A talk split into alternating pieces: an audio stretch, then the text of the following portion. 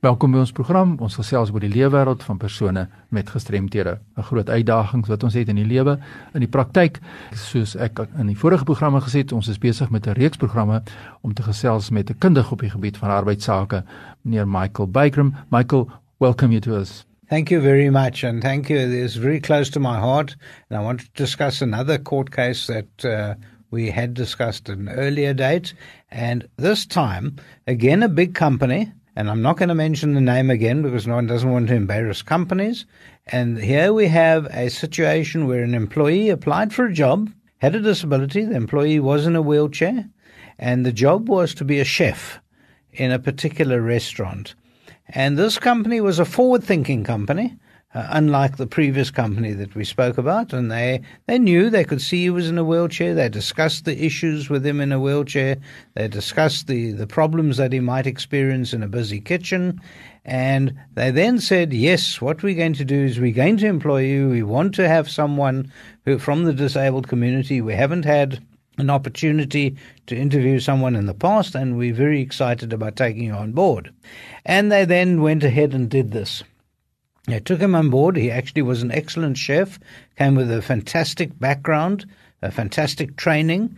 He had always been in a wheelchair and he was completely conversant and proficient with his wheelchair. Now, the problem that you've got in a very busy kitchen where you've actually making, I think they were doing something like 2,000 meals per mealtime. Yeah.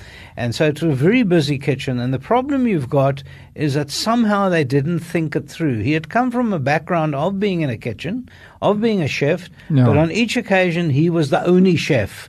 Yeah. And that he had a staff to help him. On this occasion, he comes into a kitchen where there are 20 chefs.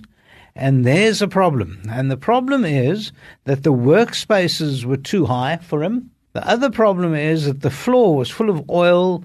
And you know what happens in a busy kitchen where you're putting together a thousand meals that you drop food on the floor, you drop things, and it becomes very slippery and dangerous.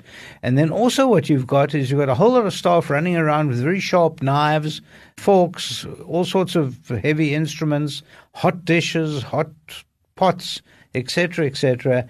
And the rest of the staff then complained and said this is becoming too dangerous.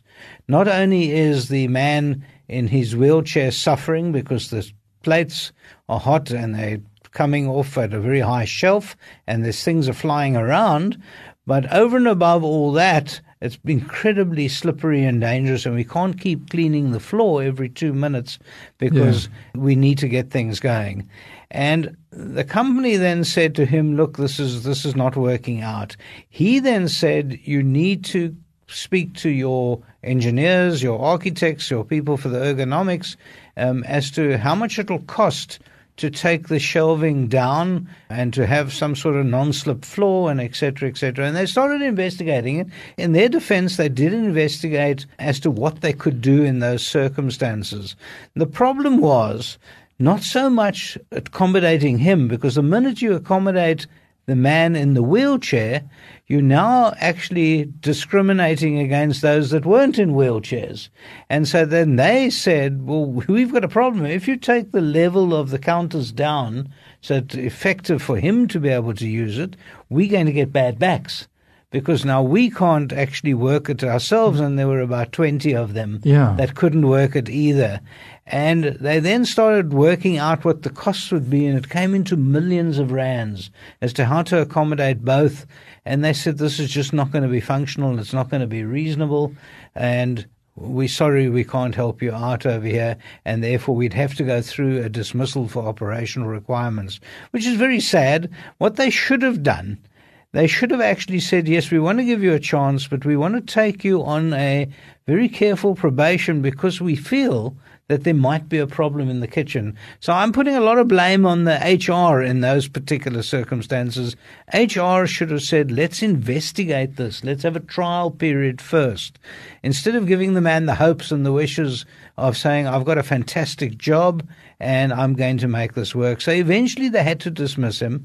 It was a very sad exercise. I was very involved because I was the lawyer acting on behalf of the company and I'm very passionate about employing the people from the disabled, but everything we did, we couldn't get right. What eventually did happen when we arrived at the courts we eventually did a deal with him. We first of all, I said to the company, please do everything you can to find him another job. Yeah. If not with you, but with a competitor or someone else who's got a small kitchen, Yeah. uh, which is what they did.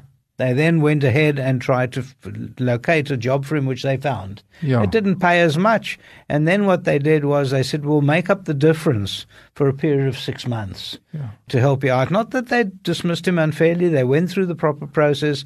And the courts would have said, and we investigated it very carefully, that you can't spend that sort of money and then discriminate against the rest of your staff. Yeah. And so, on that particular instance, I think the company did everything in their power to try and accommodate the man.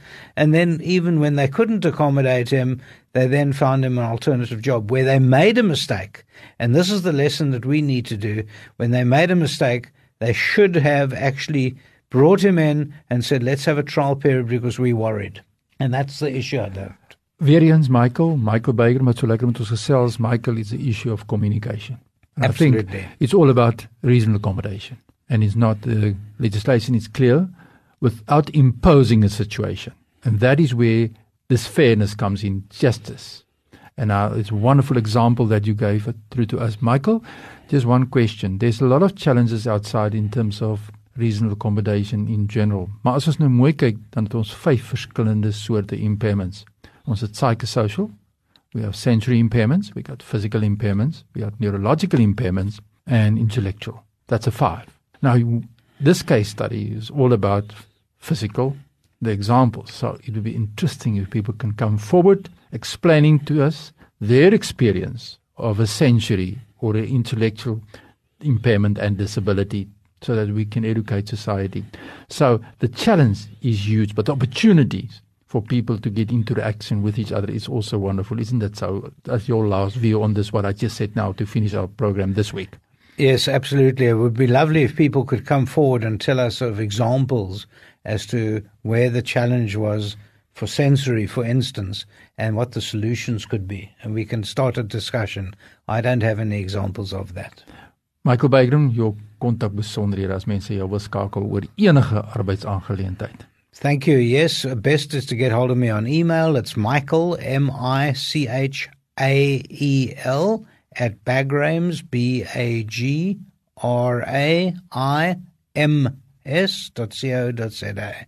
Nou ja, dis die einde van hierdie week se program. Is vir my baie duidelik dat ons het nog baie gevalle studies wat wag. Ons het nog a lot of case studies that can come forward so that we can see how we can change the situation for persons with disabilities in the workplace. As jy enige insette wil maak, stuur die e-pos sommer nou aan my by fani.dt by mweb.co.za.